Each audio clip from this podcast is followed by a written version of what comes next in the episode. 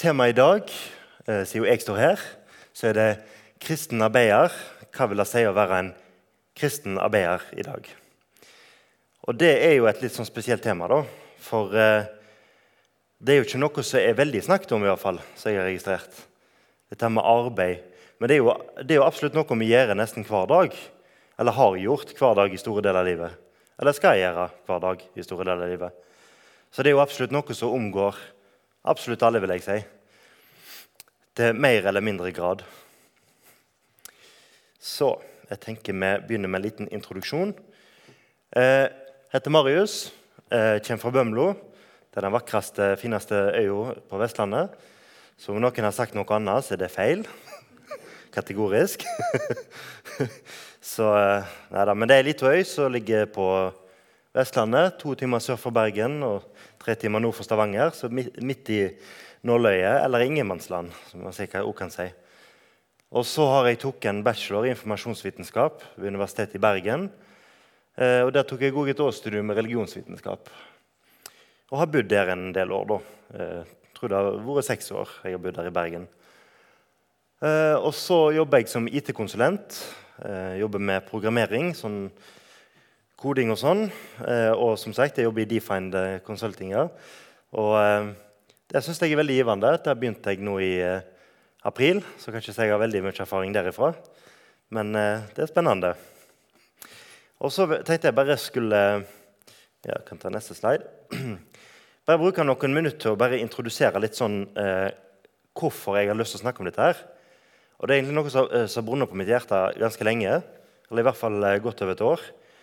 Og Det er helt siden jeg leste en bok av en som heter eh, Tim Keller, som heter 'Every Good Endeavor'. Og når jeg leste den boka da, og så så en del videoer og, og taleserier på akkurat det temaet med arbeid, så innså jeg én ting. Og det er at Bibelen snakker mye mer om arbeid enn det jeg visste. Og at jeg ofte tenkte feil om arbeid. Og at det er veldig lett å kanskje sluke den tanken som det samfunnet vi lever i, har om arbeid, uten å nødvendigvis tenke over hva er arbeid? Så I dag skal vi snakke om eh, to ting. Eh, den første delen, eh, nå frem til, til, kaffe og kake og sånn, det er da en slags historisk gjennomgang om ulike syn på arbeid gjennom historien. Og Det synes jeg er veldig fint å ha med, fordi å ha et historisk bakteppe når vi snakker om ting, det kan hjelpe oss til å forstå hvordan vi mennesker tenker, men som jeg også skal vise senere, hvordan ingenting er nytt under solen. Så det står i Forkynneren, kapittel 1, vers 9. Eh, og Den andre delen det er kanskje mer spennende, for der går vi inn på hva vi kristne skal tenke om arbeid. Eh, og Der kommer jeg til å dele litt inn, og så skal vi se litt i Bibelen og se litt hva vi kan tenke om arbeid. I hvert fall ting som jeg, jeg har funnet nyttig i mitt liv, og som jeg håper kan være nyttig og, og i, i ditt liv. Og så På slutten så tar vi en oppsummering og noen spørsmål. Men om du har noen spørsmål, så skyt inn. Eh, så da, da kan du være litt sånn frampå. Jeg er vant med å bo i Bergen, så der er alle frampå. Så det, det, er bare til å skyte ut. ja. Men først tenkte jeg vi skulle begynne med en definisjon av arbeid. Og Her har jeg funnet to definisjoner. da. Fordi Hvis du søker arbeid på Google, og så må du søke definisjon, så er det, er det, er det veldig, veldig mange definisjoner du kan finne på mange ulike ting. Men jeg syns disse var de morsomste. sånn sett. Den første, eh, som jeg synes er litt interessant, da, det er dette arbeid i fysikken en form. Og her står det eh, en form for energioverføring ved at en kraft virker på en gjenstand, f.eks. med at man kan løfte den, eh, eller løfte en koffert ved å bruke sin kraft på den, og da utfører man et arbeid på kofferten. Så I fysikken så er det sånn at arbeid er den kraften som flytter noe. Og det er jo veldig interessant, da, at hvis du jobber, så flytter du ofte ting i større eller mindre grad. I min jobb flytter du veldig få ting. flytter kanskje hendene på tastetrykket og flytter kaffekoppen der, der den skal være. fra pulten til moen. Og så av og, til, av og til fra pulten, og så skal han til månen, og så går han på skjorta mi. Men det, det er ikke meninga i, i den forstand.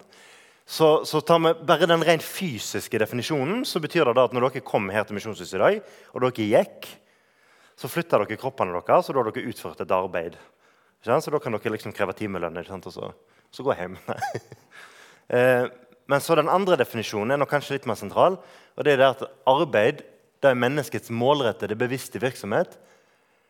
Og i samfunnsøkonomien så er det da arbeidsinnsatsen som er den viktige produksjonsfaktoren. Og det vil si at eh, Hvis du tenker liksom samfunnsøkonomisk for Norge, så er det slik at hvis folk arbeider, så, så eh, utgjør det en produksjonsfaktor som man da kan kvantifisere og få betalt for. Og den kvantifiseringen er da kalt brut bruttonasjonalprodukt. Så det det mer sånn rent samfunnsøkonomisk. Så, og, og, Det er derfor eh, for Erna Solberg sier at vi trenger flere barn. Fordi vi trenger flere skattebetalere. Vi kan altså betale skatt inn. Vi får mer inntekt. Eh, ikke bare derfor, selvfølgelig, men litt, litt, av grunnen. Ja, og jeg tenker Vi skal helt tilbake til antikken. Vi kunne gått mye lenger tilbake. Vi kunne gått til Babylon, vi kunne gått til eh, Mesopotamia. Vi kunne gått veldig langt tilbake, men jeg tenker vi begynner i antikken. Eh, og Antikken er jo en tidsperiode som strekker seg ca. 600-400 år før, eh, før eh, Kristus. Og så har man jo liksom en tid som er etter det òg, på en måte. Men det er primært da man har eh, de tingene som er litt interessant å se på. da. Eh, og i antikken så fikk man et veldig sånn spesielt syn på dette med arbeid. Det er, jo, det er jo veldig klart kjent at i antikken så fikk man politikk. Det var en eh, stor ting, dette her med at man skulle kunne bestemme over byen, altså polis. ikke sant? Bestemme, Og at man skulle kunne da diskutere. Og sånn. Og Filosofien som bygger seg rundt dette, her, bygger seg mye på at vi mennesker er fornuftige vesen. Og vi vil ikke gjøre fysisk eh, arbeid, altså tungt arbeid. vil ikke vi gjøre i bunn og grunn. Og Grunnen til det er fordi at det strider imot vår hensikt som fornuftig tenkende mennesker. Da. Og eh, det var veldig vanlig å skille mellom nettopp dette med det fysiske og åndelige arbeidet, i den forstand av at hvis vår ytterste eh, si, hvis vår ytterste verdi er ut ifra hva vi kan tenke og diskutere, så vil jeg si at det fysiske og manuelle arbeidet er sitt ned på.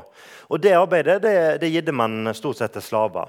Og Det var enten de slavene som var kommet av krigsbytte, eh, eh, eller de som frivillig pga. økonomiske grunner gikk inn i slavearbeid.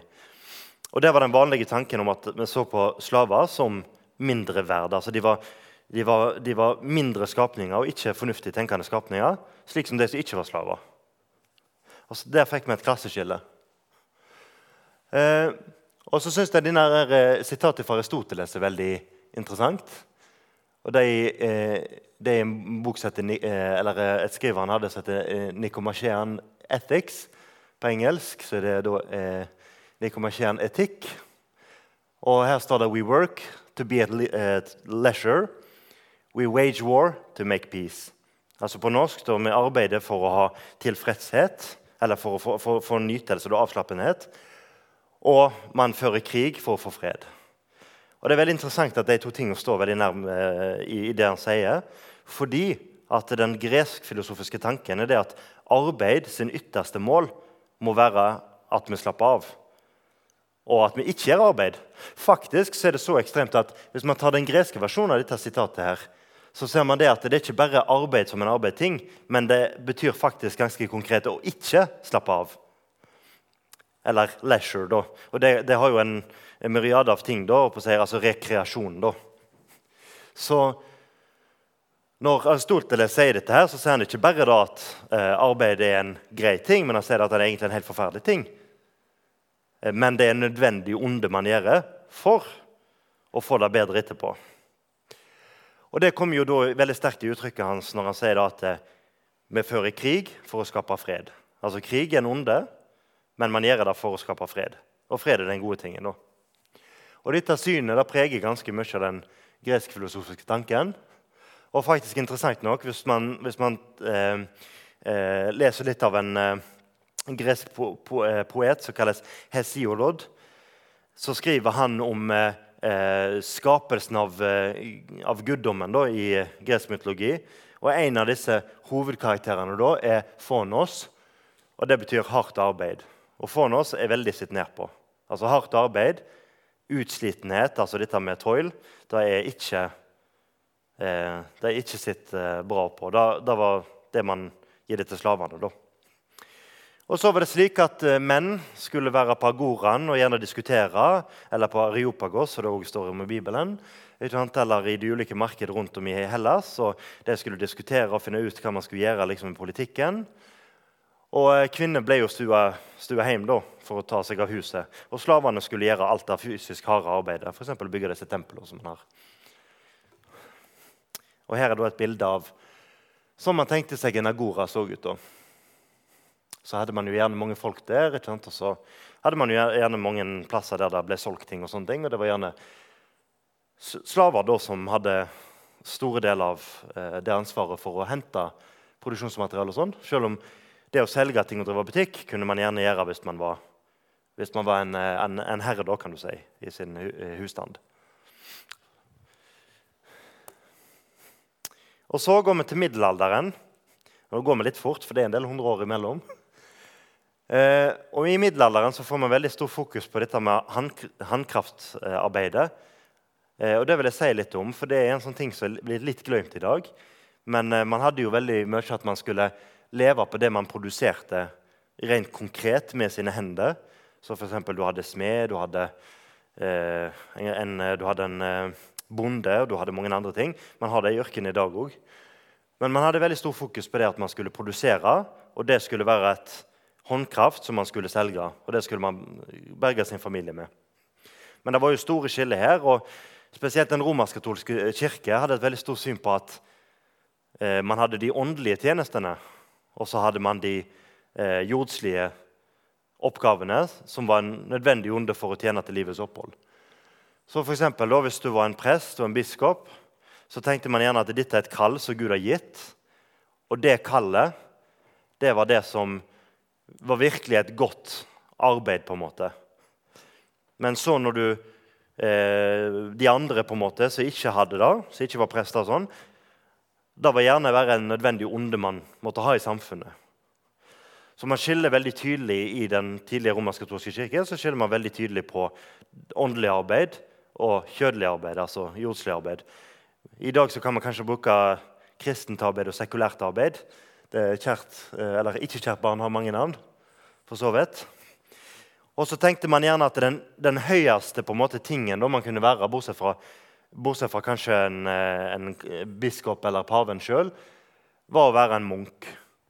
For var du en munk, så hadde du fullstendig knytta deg til kirkens lære og til eh, tilbedelsen.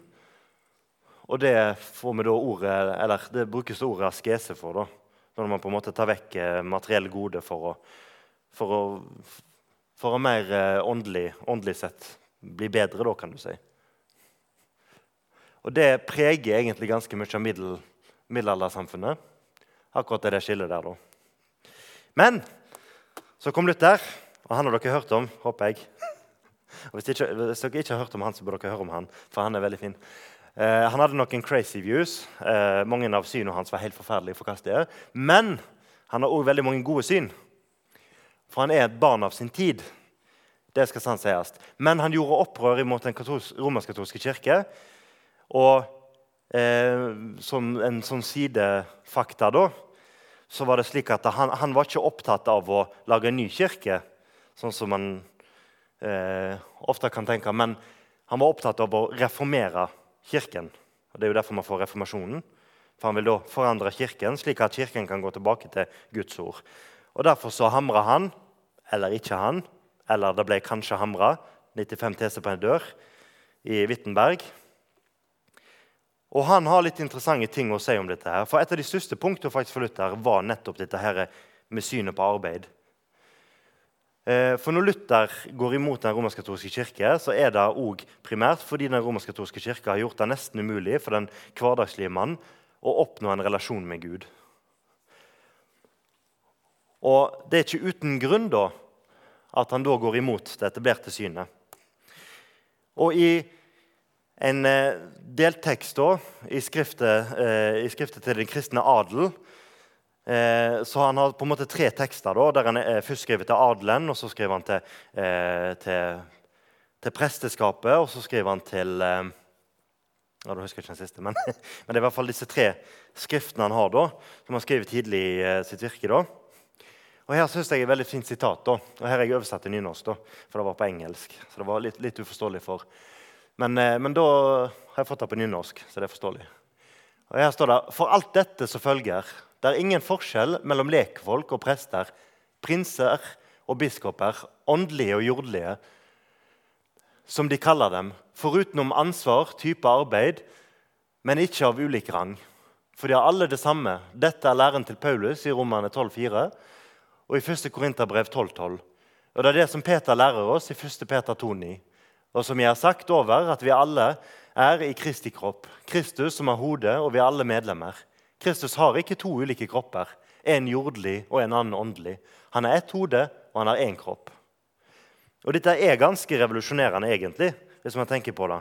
For det han egentlig gjør, er å sidestille arbeidet til en vanlig håndverker, til en, til en bonde, med arbeidet til selve paven. egentlig. Han sidestiller det. Han sier at det er ulikt arbeid, men rangen innenfor Guds rike er den samme. De som er prester og biskoper, har ikke en høyere status, har ikke en høyere rang. Og de har heller ikke vært mer i Guds rike enn den som er jordelig. Tvert imot så trenger Gud alle disse, eller Gud trenger ikke alle, men Gud bruker hver og en i samfunnet. For hver og en har en samfunnsnytte. Eh, og hvis man tenker over det, så gir det jo ganske mye mening. Fordi at Hvis ikke bonden går ut og så sår høsten, så dør paven. For hvor skal paven få mat ifra? Så det sier seg litt sjøl. Sånn sett. Men, vi mennesker er så flinke på, til, å ta, til, å ta, gode ting og forvrenge det til det absolutt verste. Eh, både for maktgrunnlag og mange andre ting. Da. Og for å ta en sidenotis, da, eh, Hvis man går på en måte til en helt annen plass i, i verden, da, eh, ca. rundt den samme tida, minus 500 år, så har man jo Siddhartha Gautama i, i India. Og den, og, og den tradisjonen som heter sramanara-tradisjonen. Og Der får man også dette tydelige skillet mellom at man, man sier at lekfolket kan oppnå himmelen. på en måte. Eh, så, så, det er ikke på en måte en, eh, og alene Luther i seg sjøl som, som, har dette synet med, med, med, at man går vekk fra det skillet. Det skjer flere plasser. Eh, kanskje fordi man ser også at det er sant, at det ikke er egentlig et skille. Men man lager det skillet. da. Men for oss og for den vestlige verden så er det absolutt det Martin Luther gjør her, som har en utrolig stor betydning. da. Eh, skal vi videre, ja. Ja, altså Han fjerner da skillet mellom det kirkelige og åndelige. Her kan det sant nevnes at eh, Luther hadde mye bra syn på dette òg, men det hadde òg Jean Calvin. Han snakket veldig mye om dette med arbeid og mente òg det at vårt jordelige kall har en så viktig status for oss at det er å ettertrakte som et prestelig kall. Så de var ganske samkjørte her. da. Og det går egentlig primært på det eh, som står i, eh, i Peters brev om eh, det allmennlige presteskapet. At vi alle har et alminnelig presteskap med alle prester i Guds rike. Om å gjøre ulike tjenester og tjene ulikt. Og så tenkte jeg å ta litt med haugianismen i Norge, for det er jo en litt sånn spesiell historie med Hans Nilsen Hauge. For han var jo en businessmann, samtidig som han var en vekkelsesmann. Han var en uh, som starta en ganske stor bevegelse i Norge. for å si det mildt. Ellers hadde ikke vi vært her. Hadde vi kanskje vært i kirka, men uh, Så Svens Nilsen Hauge, da, som eh, så fikk en vekkelse og starta da haugianismen. Og reiste rundt om og forkynte i husmøte. Og ble forhatt av, av de som ikke likte det og ble fengsla. Men han hadde òg en del ting uh, når det gjaldt dette med arbeid. Da. For pietismen sitt syn på arbeid tar med seg da fra lutherdommen, uh, som har med arbeid å gjøre, og fokuserer på dette med at vi er kalt et jordelig arbeid. Og Derfor så finner man òg igjen veldig sterkt i, uh, i Hauge nettopp dette her. Og man får også, altså Han starta òg et forretningslag og eh, Jeg kan ikke ramse opp alle, opp seg, men det var sånn ekstremt mange. Eh, jeg tror, eh, altså Han hadde papirfabrikk, tekstilbedrift. Han hadde møller, teggelverk, gruvedrift, saltkokeri, handelsbedrifter, verksteder og fiskebruk. Ja, Så han, han var investert i ganske mye. da. Og det er, vel, det er vel Noen som har sagt til meg da at han var millionær. i den forstand. Da. Det vet ikke jeg helt, sånn sett, for jeg vet at han brukte veldig mye penger òg. At han egentlig sløste litt vekk. Men han var i hvert fall en som virkelig hadde fokus på dette med at, å skape noe. da. Og ta nettopp dette her med den lutherske kalsetikken og bruke det inn i sitt liv. da. Eh, og så har jeg funnet litt på, eh, på eh, SNL. Eh, der står det den religiøse tenkinga hans støtter opp under den økonomiske virksomheten. Gud hadde sett mennesker i verden for at de skulle arbeide og være verksomme. I dette lå det ei tydelig kallstenking, der mennesker skulle vært gode forvaltere eh, av, gode, eh, av, de gode som verden gir. Han så på eh, ledinngang som et vonde som en kristen skulle unngå. Sjøl gikk han med strikketøy på landsveggen og deltok i gardsarbeid sammen med de han bodde hos. Altså, det er jo ganske sykt. Altså. Han gikk med strikketøy, faktisk. Det har ikke jeg gjort. det kommer jeg sikkert ikke til å gjøre. Men eh, det viser det at han mente at det å være arbeidsløs det er et onde for mennesket. Og det å jobbe er en god ting. Og Jeg begynner med å få konjunkturene av kanskje det òg Bibelen snakker om. Så man har kommet seg litt vekk fra middelalderen da, og litt vekk fra eh, den gresk-filosofiske tanken om at arbeid egentlig er, er, forkastelig. Det er et nødvendig onde. Da. Og da kommer vi til industrialiseringen, som skjer på 1800-tallet. Og Da er det mer sentralisering. Folk flytter til byer, for der bygger de fabrikker som folk kan jobbe i. Og I de fabrikkene begynner de å masseprodusere ting. Og man går fra et selvbergingssamfunn til et industrialisert samfunn. Og Det er egentlig bare mer, rent sånn historisk det som skjer da. Prøvde å visualisere det med en gård der nede og en sånn fabrikk der. Så Man kan jo tenke seg at han gikk med hesten sin over der, så kom han inn i byen. Ikke sant? Og så, ja, så var han ferdig som bonde. Nei, det var ikke helt sånn. Eh, fremdeles stort sett over ganske store deler av verden så måtte man klare seg sjøl. Eh, men man begynner å få mer et et annet syn på arbeid, der det man, altså det man dyrker, for eksempel, man får større avstand til egentlig hvor råvarene kommer fra. Eh, og det preger egentlig utrolig mye hvordan vi ser på arbeid i dag. Eh, og her står det også at På 1800-tallet ble arbeid mer og mer fremheva som kilden til menneskets rikdom. Eh, og Før så hadde jo ikke egentlig arbeid vært en sånn tanke. fordi at hvis du, på en måte, ja, ja, hvis du var rik og du var adel, så kunne man tenke det. Men hvis du var en fattig bonde, så kunne du ikke bli så mye annet enn en fattig bonde. Det var stort sett sånn det var. Fordi man hadde nemlig tydelige klasseskiller mellom hva som var adelen, og hva som var eh, jordbrukere, eller hva som var det som levde på bunnen av samfunnet. da. Eh, og, og, som sagt, Den eh, romersk-katolske kirken var med på å presse dette ned da, med å segregere nettopp hva arbeidet er i Guds rike. Så, så det er veldig, veldig, interessant med eh, industrialiseringen. da. Og så syns jeg det var interessant å ta med eh, Max Weber. Fordi han har en interessant tanke, da, og det er det at eh, det pietistiske synet eller protestantiske synet på arbeid det er med å fremme kapitalist, kapitalistisk produksjonsmåte. Han var en samfunnsviter fra Tyskland eh, og eh, hadde som fokus da, å se på mennesket som individ i samfunnet. Da. Og det er en veldig interessant tanke. For hva er det med eh, det protestantiske synet på arbeid som egentlig gjør at man får en kapitalistisk produksjonsmåte? Eller at det, det, det, rett og slett fremmer kapitalisme. da. Eh, og det er jo noe av det han, snakker, han, skriver om, da, er jo akkurat hva som gjør det. Og han mener det at når man ser på arbeid som er kall fra Gud, så er det slik at man vil ikke bare jobbe for seg sjøl eller sin egen gode, eller for bare det eh, rundt seg, men man vil jobbe for Gud.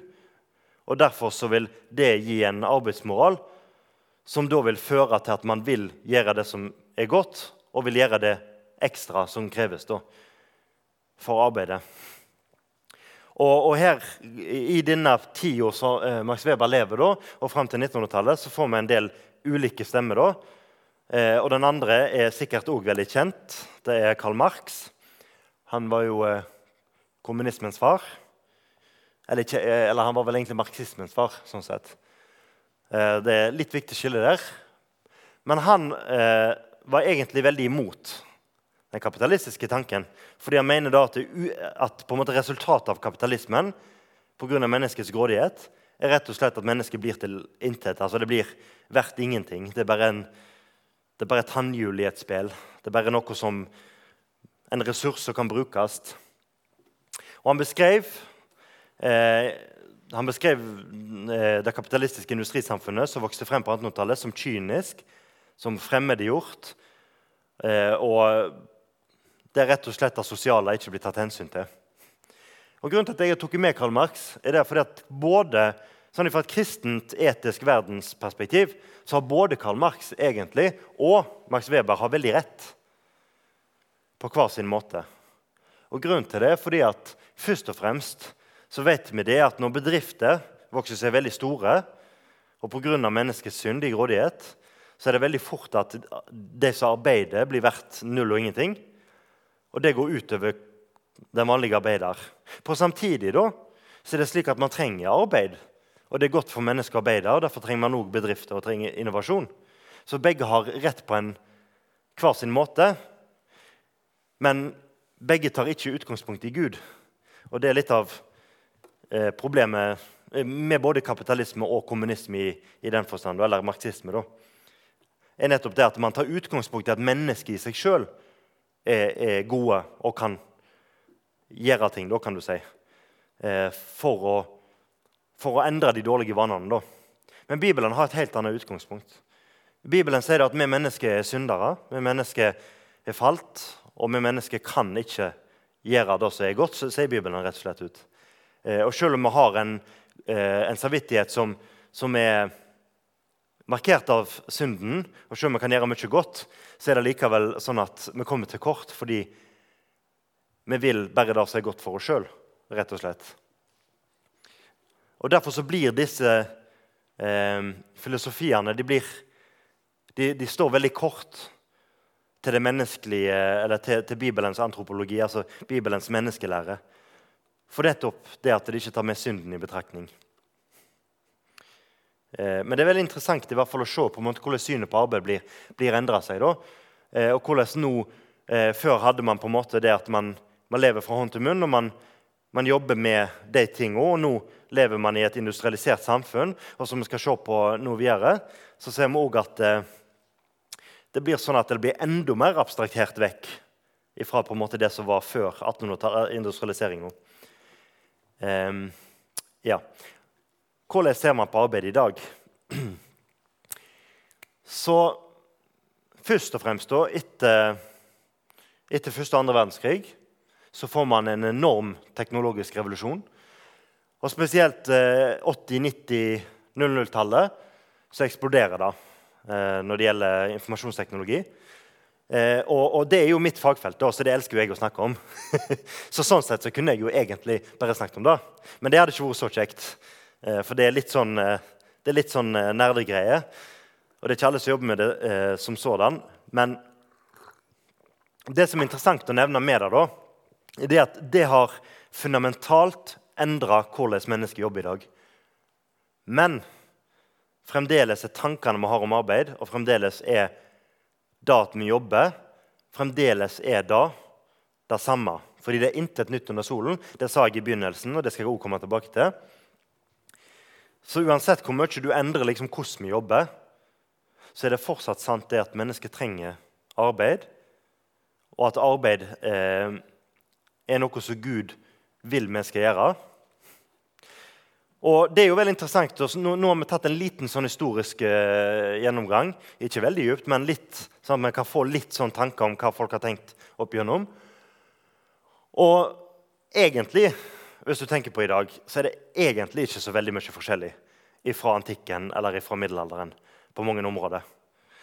Så klart, Vi lever ikke med veldig kraftige pandemier. Vi hadde jo én eh, kraftig pandemi, sånn sett, men man lever ikke med svartedøden akkurat. men du kan si sånn sett, Hvis du ser på samfunnet i dag, så er det jo eh, et klart skille mellom det man tenker på som eh, høytstående yrke, altså, i, eh, altså hvis man har en universitetsgrad, gjerne, hvis man jobber på et kontor, så, så har man fått ta føre seg i samfunnet i dag at det er gode yrker, og da tjener man bra. ikke sant? Og Man knytter gjerne arbeidet opp imot lønn, imot status og de tingene der.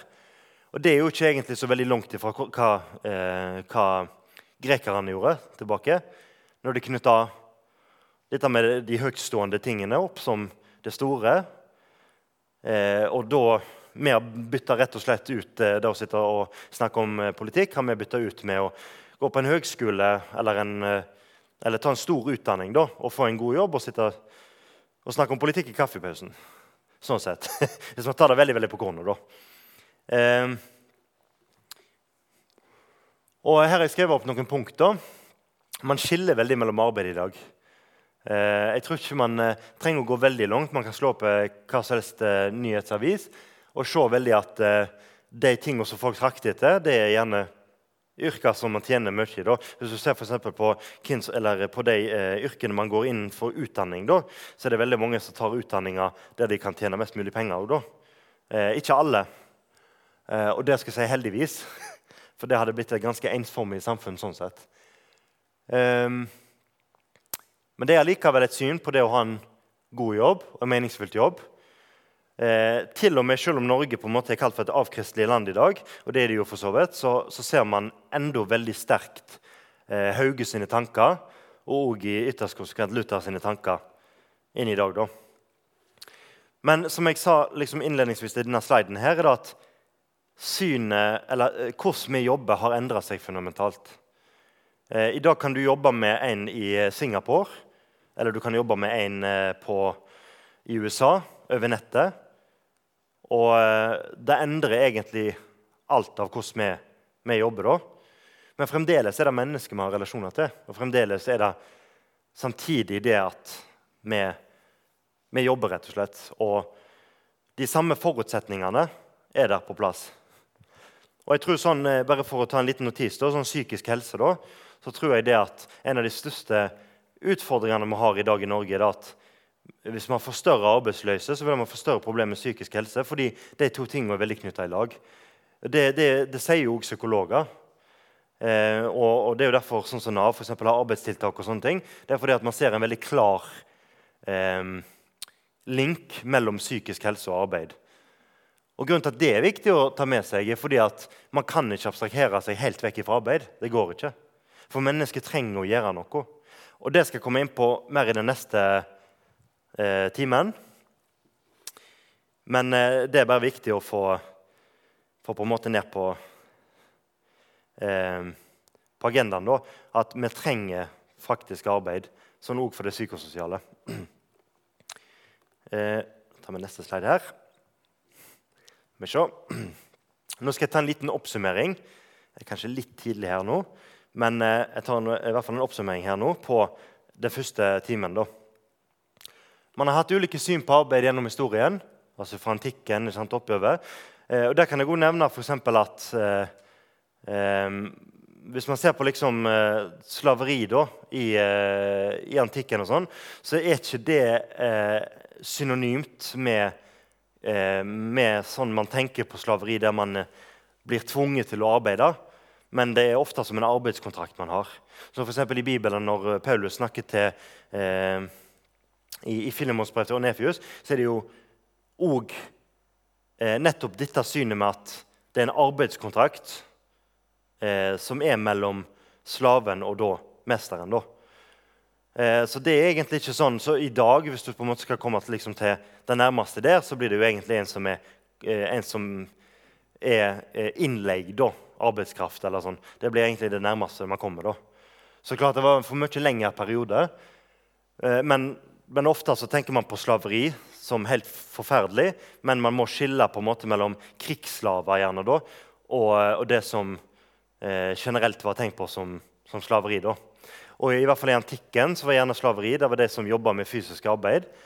De var da sett på som slaver, og de fikk da ikke lov å stemme. Blant annet fordi de nettopp jobba med disse tingene og valgte da det, det yrket. Da. Det var veldig mange som eh, inngikk avtaler med, med slaveherrer da, for, å, for, å, kunne jobbe i så og så lang tid. Eh, og Det er en stor forskjell f.eks. For fra det man finner eh, på 1600-1700-1800-tallet blant annet i USA og Europa, med, der man på en måte går til et annet land og så tar man eh, folk fra det landet og så tvinger man dem til å arbeide og behandler eh, helt forkastelig. Det er da òg slaveri, men på en annen, en annen form for slaveri. da. Så Det er en viktig distinksjon, for man hører veldig gjerne det i dag at, at Bibelen snakker så positivt om slaveri. Eh, og for eksempel, hvis det, bare ta et eksempel, da, så var jeg i en diskusjon med en, med en, eh, med en kar, eller en samtale med en kar om, eh, om dette med homofili. Hvorfor homofili er eh, i, i, bibelsk forstand hvorfor det er, altså homofili i samliv, hvorfor det er synd. Så mener han jo da at ja, men hvorfor kan du si at homofili er synd når du ikke sier at slaveri er synd? Så det, det, er, en, det er viktig på en måte å ha en historisk, eh, kontekstuell tolkning da, av de tingene man ser. Um, ja.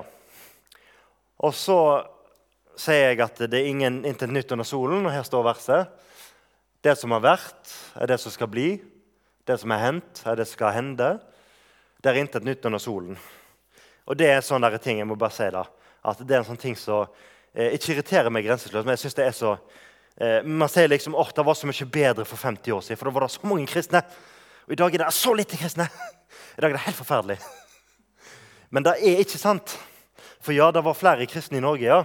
Men så er det andre deler av verden så er det ikke sånn. Og så er du Kina eller så er du i Afrika. Og sånne ting, og, og jeg trenger ikke si det sånn som for meg i NLM, og det er misjonsmenighet, men eh, det er en utrolig blomstring av kristne. sånn sett, så fordi om det er frafall her i Vesten, så er det ikke nødvendigvis sånn andreplass i verden. Men poenget er i hvert fall det at Bibelen sier dette veldig tydelig, at det er ingenting nytt under solen. At det er krig i dag, det er ikke noe nytt. Det har vært krig før, og det kommer til å komme krig igjen. i bunn Og grunn. Og sånn er det faktisk med vårt syn på arbeid òg. Eh, og derfor så, liksom, Hvis vi går tilbake til Aristoteles' tanke da, om at vi arbeider for å kunne ha eh, rekreasjon, for å kunne slappe av Det er liksom endemålet med arbeidet. Den nødvendige onden for å gjøre det den syns fall jeg når jeg går på arbeidsplassen min sant, og vi snakker om helg, så syns jeg den kommer veldig tydelig fram. Fordi at eh, den beste dagen er fredag, den verste er mandag. Men òg, hvis vi tar det videre, da, når man blir pensjonist eh, Fordi det har vært et veldig I hvert fall eh, slik som jeg har hørt opp igjennom, så er det slik at man jobber for å tjene seg opp en pensjon, og så når man endelig blir pensjonist, så kan man slappe av. Eh, og Da har på en måte den, da er liksom den onde tida med arbeidet den er vekke. Sånn, det strever, det sliter. Eh, og det er sant at da arbeide kan være et strev og et slit. Og det er òg det fordi vi er syndige, eh, eller vi er mennesker som er falt. Vi er mennesker som er begrensa i vår kjødelighet. Og det er sant. Og det er derfor Gud, når han skaper verden, så setter han én dag, shabbaten, den sjuende dagen, så sier han her skal du hvile fordi jeg skapte jorda på seks dager, og på den sjuende hvilte jeg. Og Det er fordi vi trenger hvile, og det er fordi at vi jobber åtte timer, og så hviler vi. Eh, og det er derfor vi trenger å sove, fordi vi trenger å hvile. Eh, men den tanken om at arbeid er en nødvendig onde, den finner vi så sterkt i samfunnet vårt. Og den gjennomsyrer også historien.